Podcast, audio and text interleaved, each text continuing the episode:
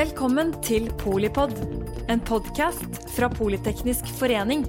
Et kunnskapsbasert medlemsnettverk for bærekraftig teknologi og samfunnsutvikling.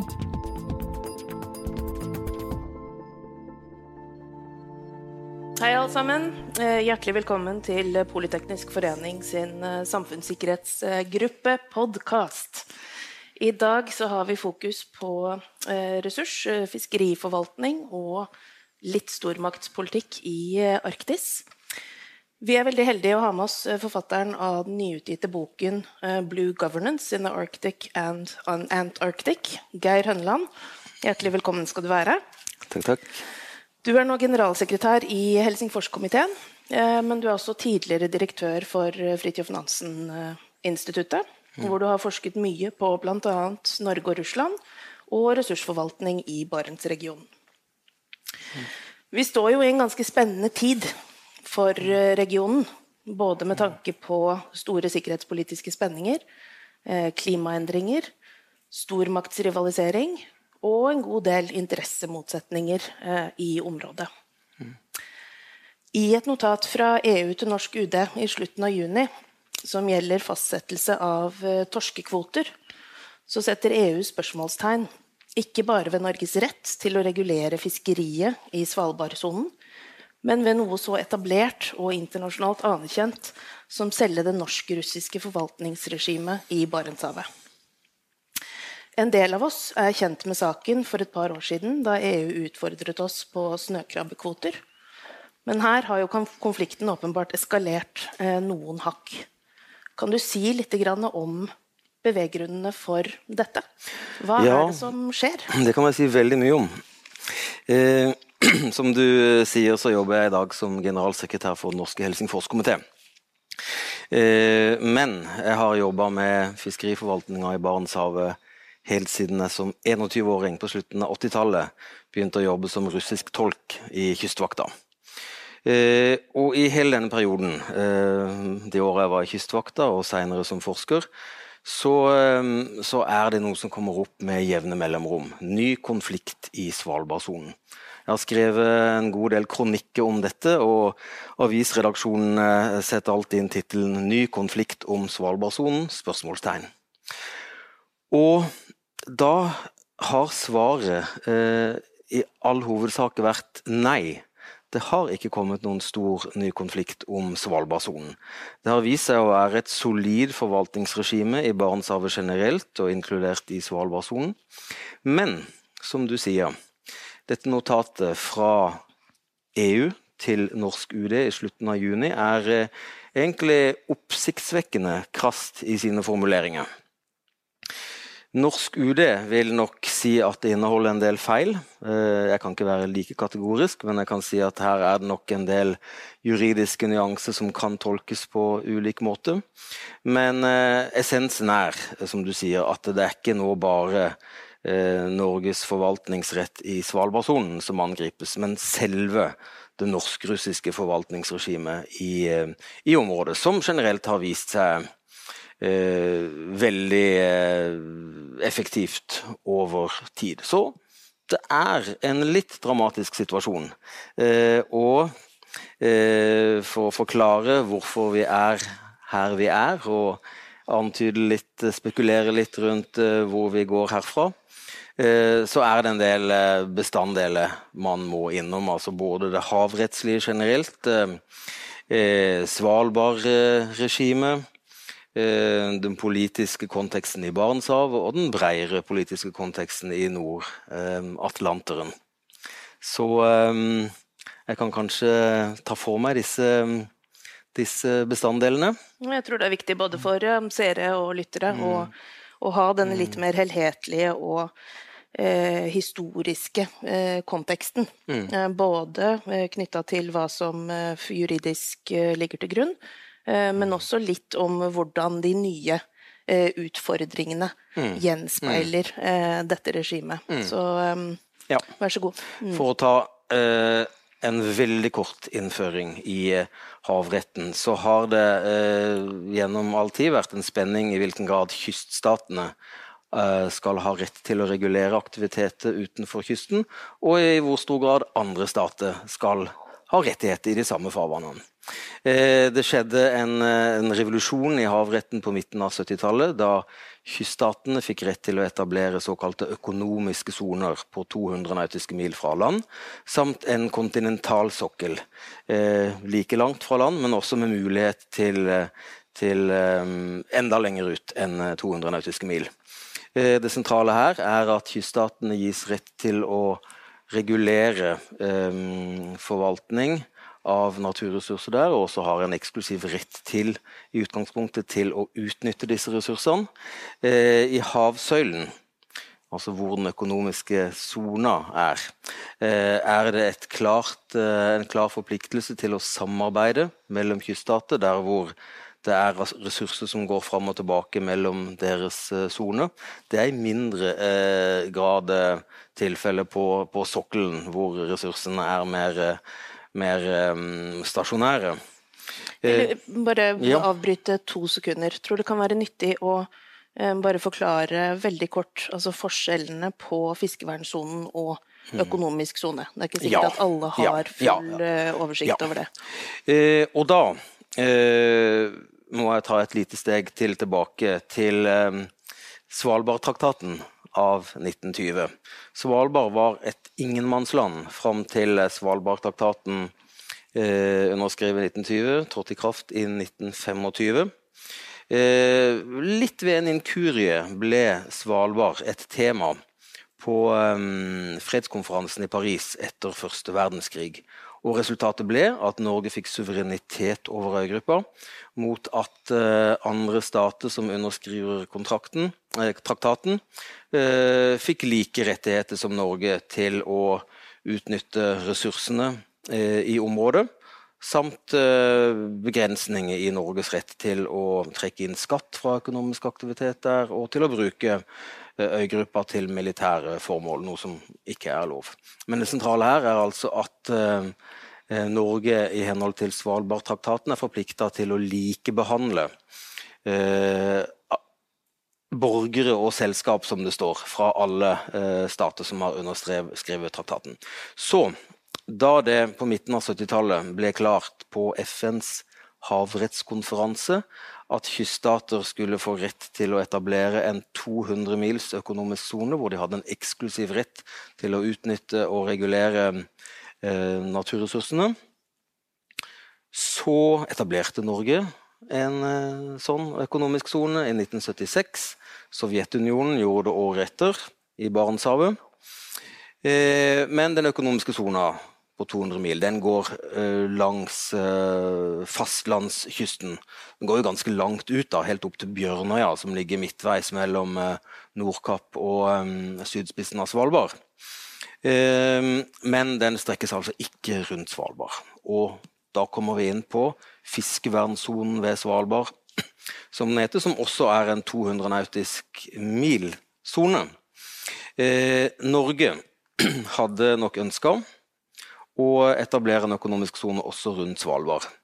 Eh, Norge mm, sonderte litt diplomatisk med andre stater, men eh, forsto at eh, andre stater ikke ville akseptere det med utgangspunkt i Svalbardtraktatens likebehandlingsbestemmelser. Så fiskevernsonen, bare for å slå fast hva det er, det er en 200 nautiske mils sone rundt Svalbard, akkurat som det fins en økonomisk sone like stor rundt fastlandet. Eh, men Norge valgte altså å ikke erklære en full økonomisk sone, men kalte det en litt sånn mildere variant, enn fiskevernsone, mm. som understreker behovet for å verne ressursene der. Uh, selv om det ikke er en økonomisk sone. Så essensen her, det er at Norge tolker Svalbardtraktaten bokstavelig. Eh, når det gjelder den geografiske utstrekninga. Eh, det står i traktaten at den gjelder landområdene på Svalbard samt territorialfarvannet. Territorialfarvannet er en smal stripe land, eh, stripe vann langs kysten. Tolv nautiske mil. Mens EU og andre stater bestrider denne tolkninga. Det er litt ulikt hvilken begrunnelse de bruker. EU fokuserer på at dersom traktaten hadde vært underskrevet i dag, så ville den inneholdt havområder som var langt større enn territorialfarvann, altså disse tolv nautiske mil nærmest land, det var bare ikke et tema i 1920 å fiske så langt fra land. Eh, EU har også eh, annen juridisk argumentasjon som jeg ikke skal gå, gå inn på her, men det er, det er kjernen i konflikten. Samtidig, for å ta ett steg videre, så er det i tillegg til dette rent havrettslige juridiske en politisk kontekst. Eh, det var også klart på midten av 1970-tallet og um, slått fast i den store havrettskonvensjonen, som ble underskrevet noen uh, år uh, seinere, at kyststater har en plikt til å samarbeide om forvaltning av uh, ressurser som går fram og tilbake mellom deres områder.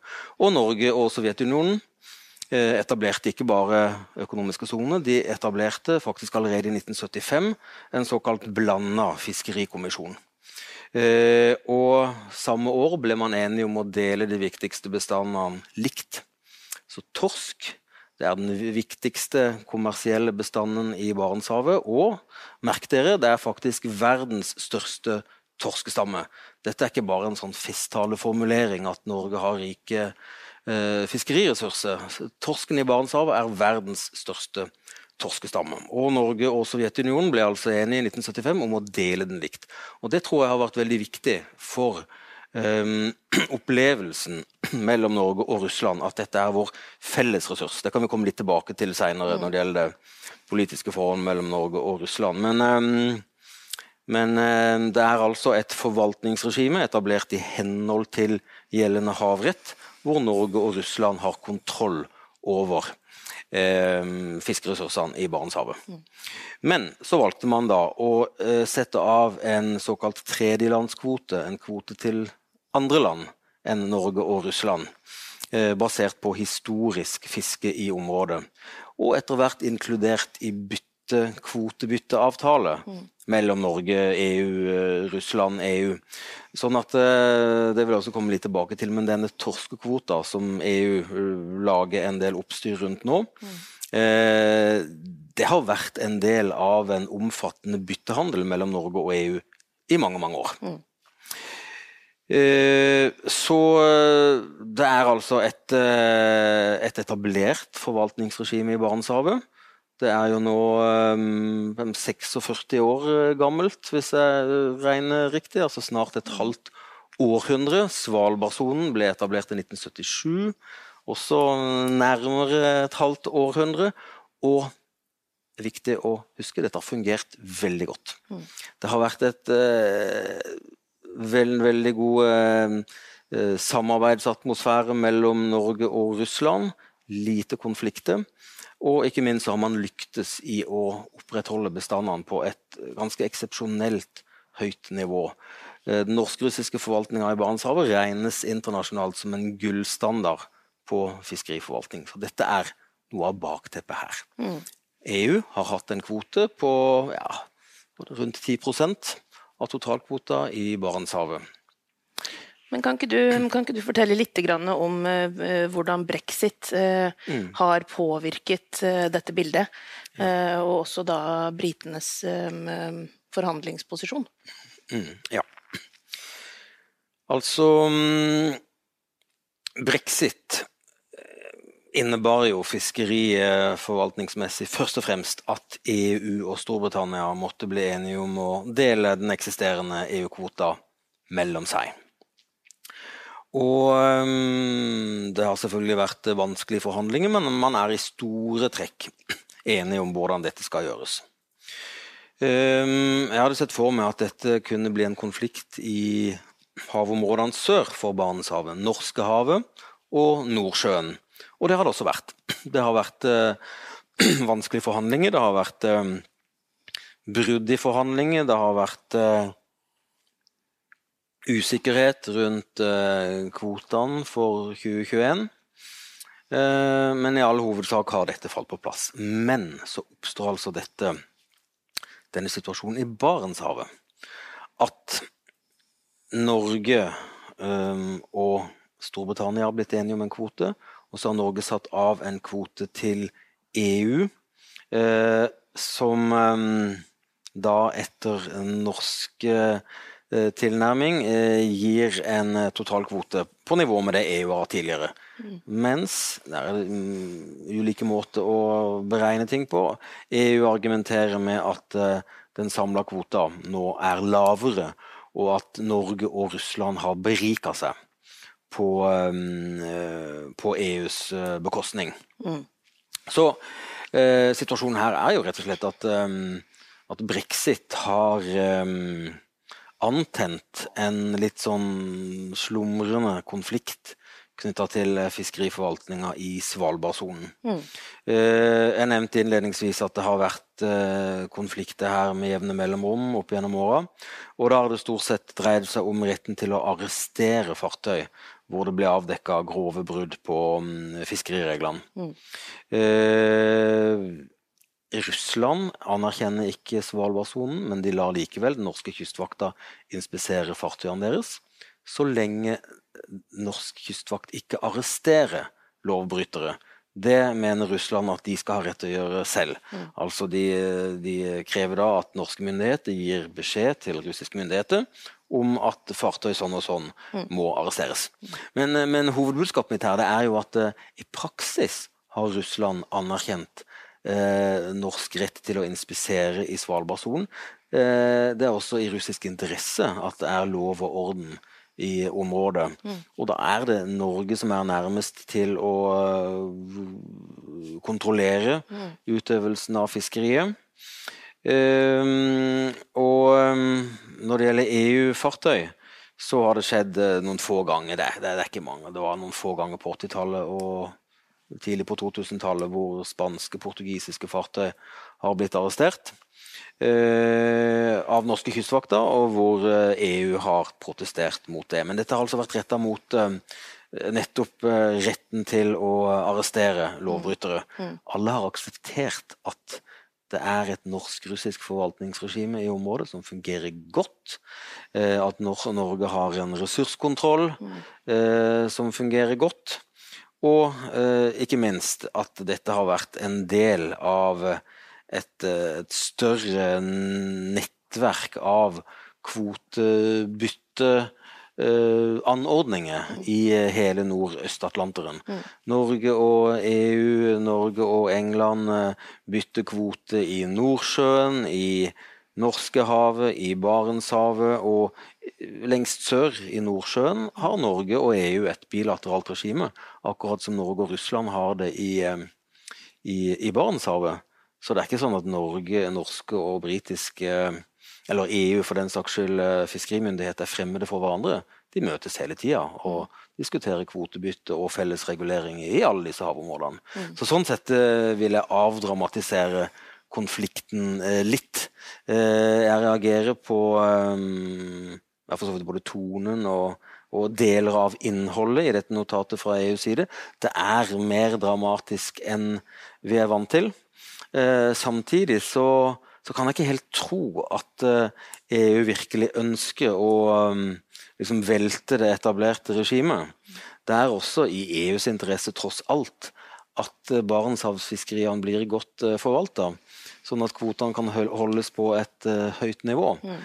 Dersom Norge og Russland skulle miste den retten til å til å forvalte disse ressursene, så, så, vet vi jo ikke hva som vil komme etter. Uh, man kan jo se for seg kaos uh, i ulike varianter mm. hvis mange stater skal involveres der.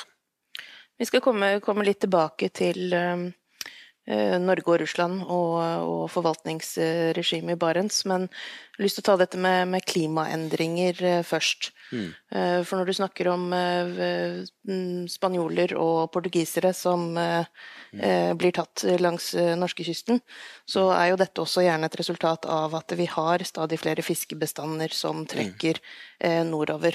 Mm. Vi vet også de siste årene så har alle stormakter levert og presentert sine respektive Arktis-strategier. Det er helt åpenbart Eh, at, eh, at, både Kina, EU, eh, e en rekke andre europeiske land og USA viser en tiltagende interesse for, for Barentsregionen og mulig ressursutvinning der. Ikke bare mm. når det gjelder fisk, men det er olje og gass, og det er jo selvfølgelig andre mineraler og naturressurser. Um, så, så, i lys av at vi nå ser denne uh, både nedsmeltningen, uh, fremveksten av nye uh, sjøruter, um, og dette faktum at fiskebestandene da trekker nordover, gjør jo vårt område da mye mer attraktivt for alle disse. Mm. Hvordan, hvordan preger det Mm. ressurskampen. Mm. Og hvordan preger det på en måte både aktør- og, og interessebildet eh, mm. i regionen? Mm. Ja, altså det er jo et faktum at uh, isen smelter, for å si det sånn. Temperaturen uh, øker.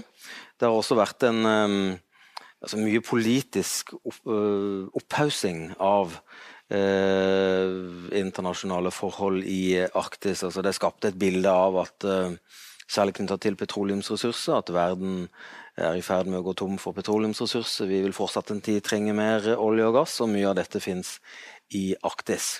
Um, og um, altså, I all hovedsak så vil jeg si det har blitt skapt et konfliktbilde som er uh, mer dramatisk enn det er i virkeligheten. Uh, og det er til dels tilfellet også når det gjelder um, havressurser. Altså, det er noe i det, men uh, jeg vil nyansere det litt. Um, når det gjelder Polhavet, altså området nord for uh, fastlandet i, i, i, Arktis, altså mm. selve havbassenget hvor Nordpolen uh, ligger, der, um, det har vært en del oppmerksomhet rundt det. Vil kineserne komme og ta fisken i, i Polhavet osv.? Men uh, det er situasjonen at det er ikke noe fisk der å ta. Mesteparten av eh, fiskeressurser som vi kjenner til i dag, de befinner seg på kontinentalsokkelen. Mm. Dvs. Si ganske grunt vann. 200-500 meter dypt. Mens i Polhavet det er, altså det er dyphavet, flere tusen meter uh, dypt. Uh, nå er det riktignok noen uh, fiskebestander som også går i vannsøylen og ikke på, på bunnen, men hovedbildet er at det er ikke noe dramatikk i praksis når det gjelder liksom mulig kamp om ressurser i Polhavet. Og Det er i stor grad også tilfellet når det gjelder Barentshavet, altså rett sør for Polhavet. Eh, og det er som sagt der de viktigste ressursene ligger. Den dyrebare torsken og andre eh, såkalte bunnfisk som lever på kontinentalsokkelen. De kan faktisk ikke trekke opp i Polhavet. De, de kan ikke leve altså det, Dette er bunnfisk som lever på relativt grunt farvann. Mm. Eh, ja, disse 200-400 meters dyp. De kan ikke bare trekke seg opp i Polhavet og leve på flere tusen meters dyp. Så der er ikke bildet så dramatisk. Riktignok ser vi at eh, barentshavsbestandene beveger seg litt nordøstover, mm. over i russisk sone. Så eh, det har det vært en del spekulasjoner om. Vil russerne kreve en større andel enn 50 Eh, der er situasjonen sånn at rent biologisk så skulle Norge hatt litt mer enn 50% tilbake i 1975, da dette ble eh, avtalt. Eh, så Norge har sånn sett litt å gå på. Og, i tillegg så tror jeg også genuint at for Russland har vært veldig viktig med den 50-50-delinga. Den opplevelsen at dette er vår felles ressurs eh, norsk og russisk. Altså, det er ikke det samme om det er 60 og 40 fordeling. Da blir det en oppfatning av at det er den andres.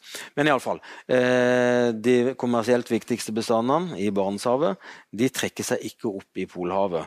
De, det eneste de kan påvirke politisk sett, det er forholdet mellom Norge og Russland. Men det er ingen tegn til at Russland vil gjøre krav på en større andel av kvota. Eh, men derimot, litt lenger sør, i Norskehavet, der har allerede klimaforandringene ført til Eller temperaturøkninga har ført til betydelig politisk rot, for å si det sånn. I dette, dette, havområdet så finner man såkalt pelagisk fisk, altså stimfisk, som finnes i store kvanta mm. og beveger seg fort. Uh, det er makrell, sild, kolmule. Eh, også veldig viktig kommersielt, fordi de finnes i så store eh, kvanta. Eh, og der eh, var det etablerte forvaltningsregimet mellom Norge og EU. Så begynte fisken å trekke seg nordover, nordøstover, nordvestover. Plutselig kom den inn i færøysk sone, etter hvert islandsk sone, helt opp ved Grønland.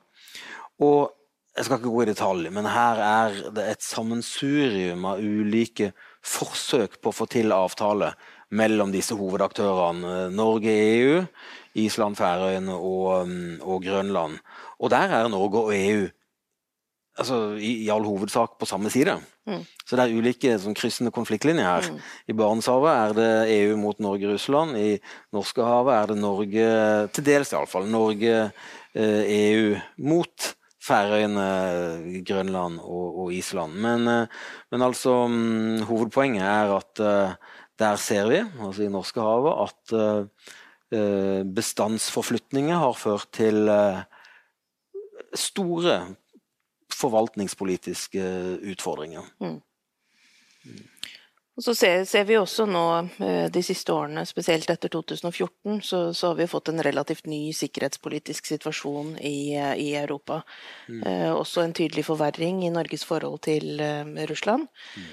Um, andre stormakter som, som, har kommet på, på, banen, og ytterligere liksom både nyansert og, og delvis polarisert uh, dette bildet. Um, det fremheves veldig ofte fra uh, UDs side uh, og, og, andre når man snakker om hva som virkelig har fungert i forholdet mellom Norge og Russland, og som har stått seg uh, i en rekke prøvelser. Og med en rekke eksterne utfordringer så, så har det handla om søk og redning, og det har i stor grad handlet om fiskeriforvaltning. Med den sikkerhetspolitiske situasjonen vi har nå, Eh, ser, du, eh, ser, du, noen eh, spillover-effekter? Er det noen endringer i forholdet mellom Norge og Russland på dette feltet? Mm. Og i så fall, hvilke endringer er det vi da snakker om? Mm. Altså nå, unnskyld, nå, snakker jeg veldig varmt om det norsk-russiske fiskerisamarbeidet. Og jeg nevnte innledningsvis at jeg har jobba i Kystvakta. Eh, så sånn sett kan jeg være bitte litt inhabil, men ikke så veldig. Eh, men, altså Som sagt, eh, forholdet mellom Norge og Russland på fiskerisektoren det er, eh, det er ikke bare vellykka, men det er også veldig omfattende. Det er ikke snakk om en liten, en liten, delegasjon som kommer på besøk til andre land en gang i året.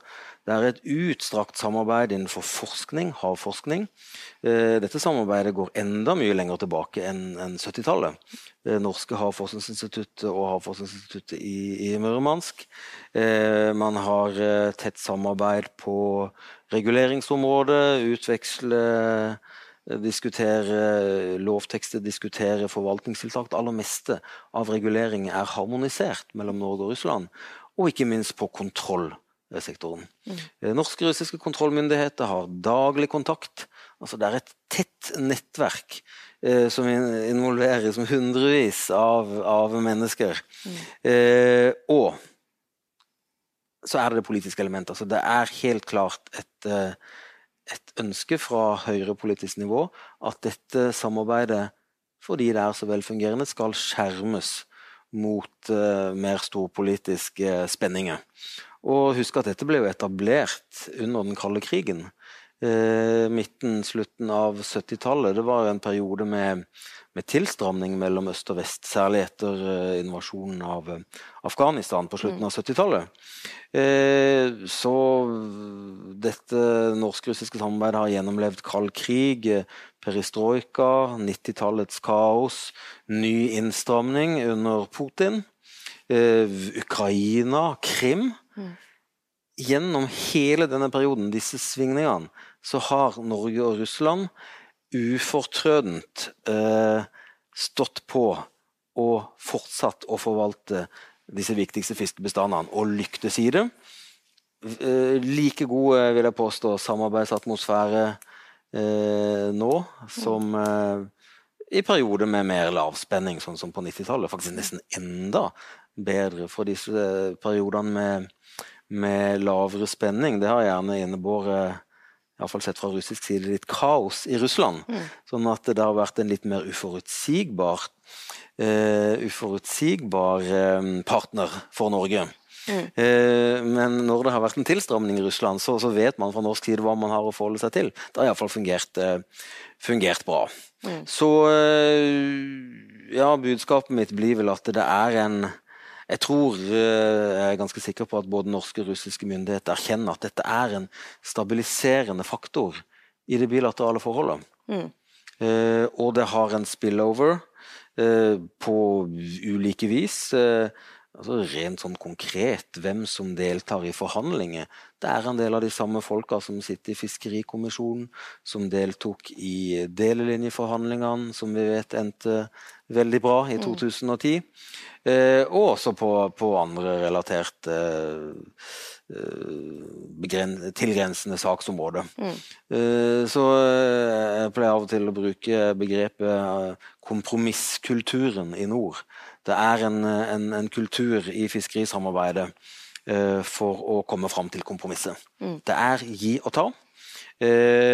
man bruker mye tid på å Eh, sette seg inn i hvordan den andre parten oppfatter problemstillingen, mm. i stedet for å bare um, rushe mot en, en, avtale. Og dette har båret frukter. Og jeg vil hevde at dette har hatt en spillover på, til andre politiske felt. Og iallfall på fiskeriområdet så har dette vist seg holdbart også under Eh, vanskelige tider sikkerhetspolitisk. Ja, altså du, du, mener egentlig det motsatte av eh, det jeg impliserte i stad? Altså at mm. forvaltningsregimet har bidratt beroligende? Det har bidratt beroligende. På andre politikkområder? Det tror jeg. Ja. Mm. Kan ikke du fortelle litt om eh, altså, hvilke foraer eh, er det disse sakene diskuteres i? Mm. Eh, hva slags type bilaterale forhold er det som, som eksisterer? Mm. Og, og, litt om, om, vi ser antydninger til at det blir noen endringer i disse tingene fremover. Mm. Altså Norge og Russland har en rekke såkalte blanda kommisjoner. Eh, det starta med den blanda fiskerikommisjonen i 1975. Eh, og så har det siden kommet til lignende strukturer på miljøvern, på atomsikkerhet, på handel, økonomi. Mm. Eh, og så har man det multilaterale samarbeidet i Barentsregionen, mm. som Norge dro i gang i 1993. så det Altså, dette er jo da de viktigste fora for Norge, vil jeg si, helt åpenbart, eh, når det gjelder å håndtere forholdet til Russland. Og det viser seg nok, nå er jeg ikke er helt inne i hvordan det går på miljøvernfeltet for øyeblikket, men tidligere så har iallfall Fiskerikommisjonen vist seg uh, mer solid enn enkelte andre samarbeidsfelt, hvor det har uh, om ikke forvitra, så iallfall gått litt dårligere i perioder hvor det har vært vanskelig politisk. Mm. Eh, altså mer storpolitisk. Um, så, så igjen, akkurat på dette feltet så, så er fortsatt eh, samarbeidet pågår som det har gjort hele tida. Men dette er altså forholdet til Russland. Mm. Så er det forholdet til andre land. Mm. Eh, først og fremst EU, Storbritannia, men også vår, eh, vår eh, nordvestlige naboer, Færøyene, Island og Grønland. Ehm, som jeg så vidt nevnte, så har Norge og EU en, en, en bilateralt forvaltningsregime. Man kaller det ikke for en kommisjon eller noe sånt. Mm. Uh, men det er uh, jevnlige møter. Uh, igjen forskningssamarbeid, til en viss grad harmonisering av reguleringer. Mm. kontrollsamarbeid, ikke minst. Mens dette er særlig i Nordsjøen, mens litt lenger nord, mellom Nordsjøen og Barentshavet, det havområdet vi kaller for Norskehavet, der er det altså vanskeligere. Det er der vi har disse stimfiskene som fyker rundt og uh, gjør det vanskelig for de politiske regimene å, å gripe fatt i. og og um, for statene å bli enige om totalkvote og hvordan de skal fordeles. Mm. Men um, ja, igjen, Konklusjonen min er vel at det er etablerte forvaltningsregime forvaltningsregimer for fiskeriet. Noen bilaterale, noen multilaterale. Og det er, det er der dette foregår. Eh, altså det fins også eh, egne samarbeidsflater for ulike lag i fiskeriforvaltninga, ikke minst eh, forskningsmessig. Internasjonalt havforskningsråd, mm. hvor alle stater i eh, Nord-Atlanteren eh, deltar. Mm. Eh, så alle kvoteanbefalinger eh, på de viktigste fiskebestandene i, i Nord-Atlanteren de har vært gjennom Det internasjonale havforskningsrådet som har sete i København. Mm. Eh, hvor i Barentshavet kvotevurderingene eller bestandsvurderingene til norske russiske forskere blir underlagt eh, eh grundig eh, såkalt fagfellevurdering, altså vurdering av eh, andre lands forskere mm. i Det internasjonale havforskningsrådet. Så igjen så ser man at det er eh, forvaltere, forskere, og forskere er også forvaltere. det er statlig ansatte og mm. en del av forvaltningsstrukturen, er eh, mm, bundet sammen i et nett av, eh, av um, relasjoner seg imellom. Mm. Så um, jeg vet ikke om du antyder om det er andre fora, mer generelle politis politiske fora, hvor disse sakene også kan diskuteres. Eh, det skjer jo iblant at eh, ting blir tatt opp på politisk nivå. Det har også skjedd i Barentshavet. Eh, at Norge og Russland ikke har klart å bli enige om totalkvoter.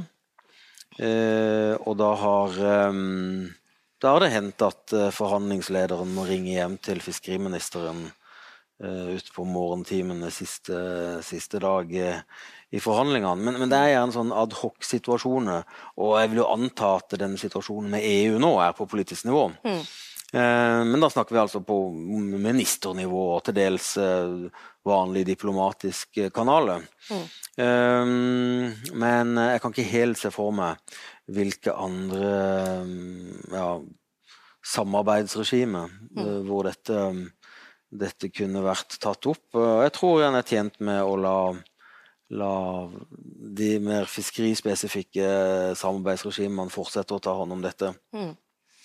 Nå um, har vi snakket en del om både altså nasjonale og bilaterale og, og multilaterale forvaltningsregime, men uh, men vi har jo også i stor grad, eh, eller tiltagende grad, eh, private mm. sertifiseringsordninger og, mm. og, andre typer ting som nå går inn og supplerer eksisterende ja. lovverk og avtaler. Mm. Og det er jo litt av det boka di mm. handler om. Kan du ikke mm. si litt mer om hva, hva innebærer det i ja. praksis? Hvordan er det dette ja, supplementet da fungerer? Mm. Uh, og, mm. og, byr det på utfordringer eller ulike fortrinnsretter mm. som eventuelt går på bekostning av andre aktører. Mm. mm. Ja.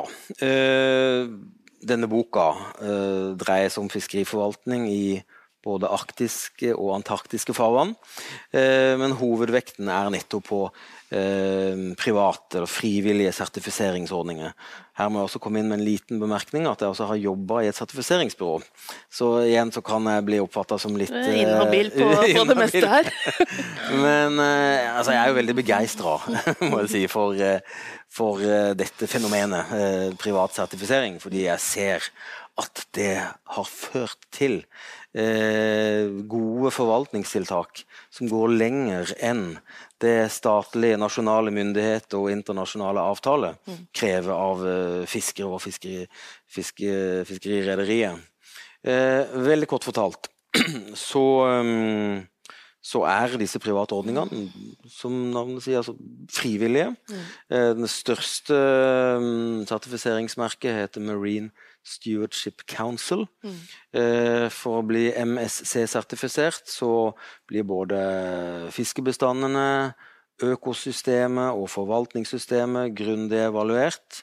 Sertifikatet gis ikke en gang for alle, det gis for en femårsperiode. Man blir underlagt eh,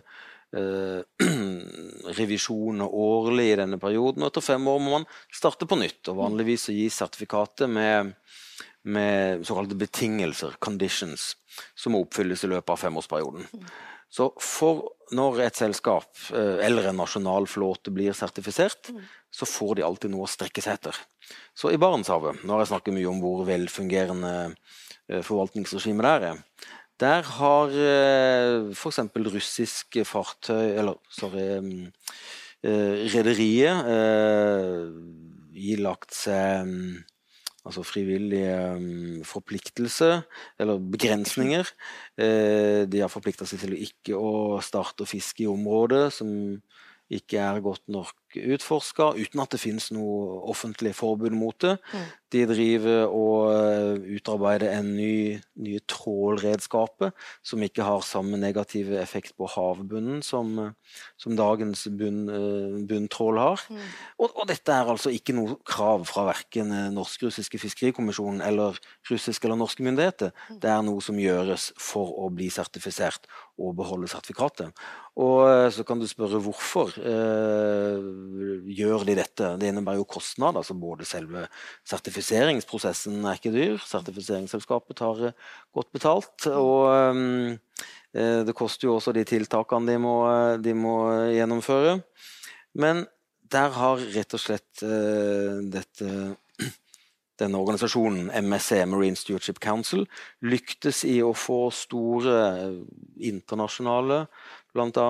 Eh, oppkjøpskjeder, altså matvarekjeder og, og, den type eh, bedrifter, altså både detaljist og angroleder, til å forplikte seg til kun å kjøpe MSC-sertifisert fisk. Mm. Hvis du går på Ikea i kafeen der, så ser du vi har kun MSC-sertifisert fisk. og sånn. Så Store kunder forplikter seg til kun å kjøpe den type fisk. Og um, det gjør at uh, for å få tilgang til de lukrative markedene, så må fiskeri i dag være sertifisert.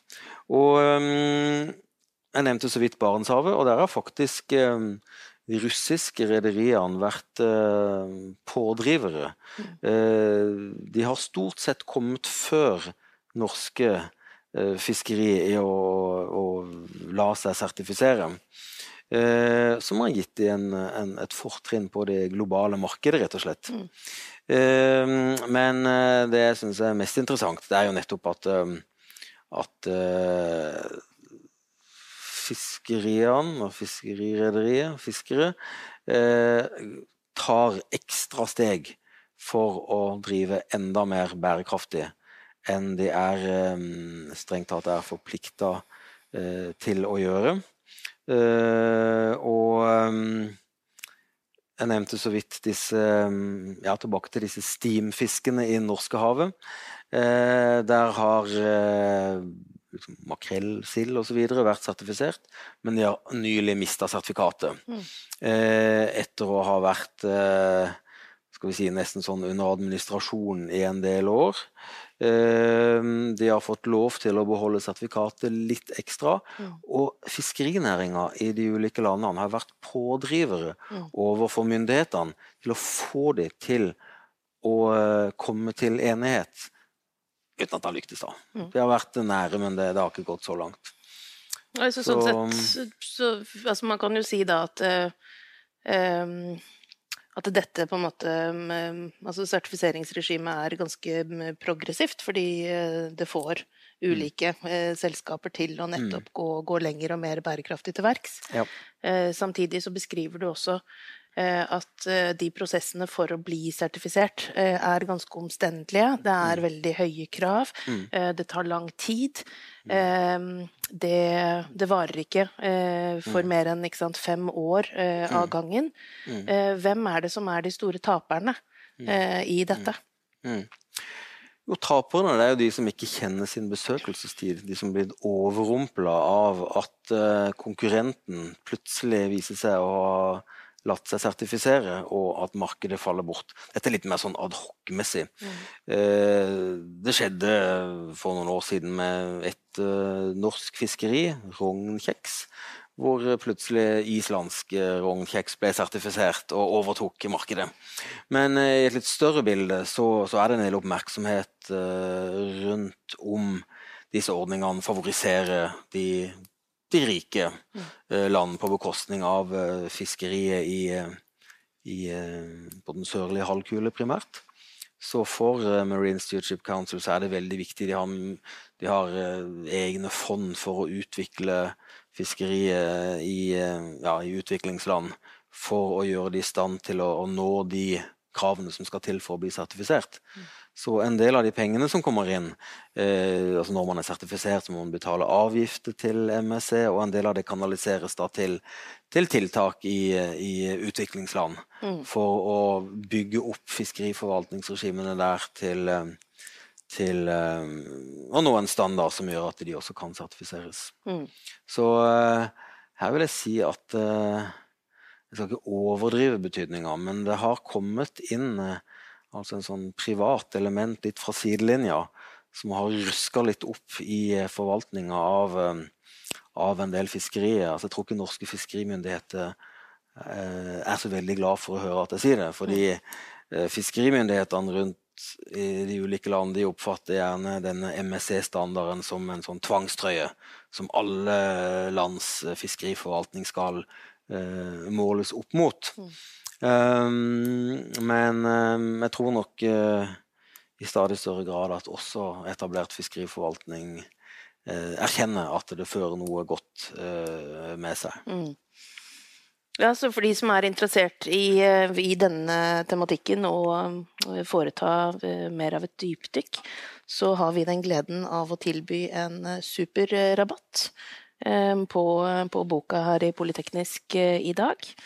Halv pris kan dere få ved å sende en mail som kommer opp på skjermen nå straks. Før vi avslutter, så jeg har bare lyst til å, stille deg et siste spørsmål. For ratifiseringen av Svalbardtraktaten kom jo nå i 2025.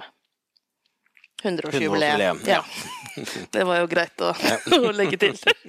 100-årsjubileet. Um, hvor står det norsk-russiske forvaltningsregimet da? Uh, Har vi alliert oss eh, sterkere med Russland, eller har samarbeidet blitt uh, vanskeligere? Mm.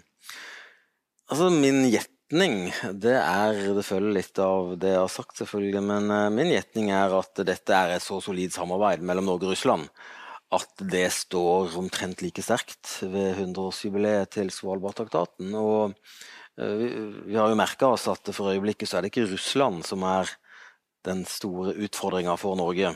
Selv om det, Russland har jo heller ikke anerkjent fiskevernsonen. De har også protestert jevnlig mot arrestasjon av russiske fartøy.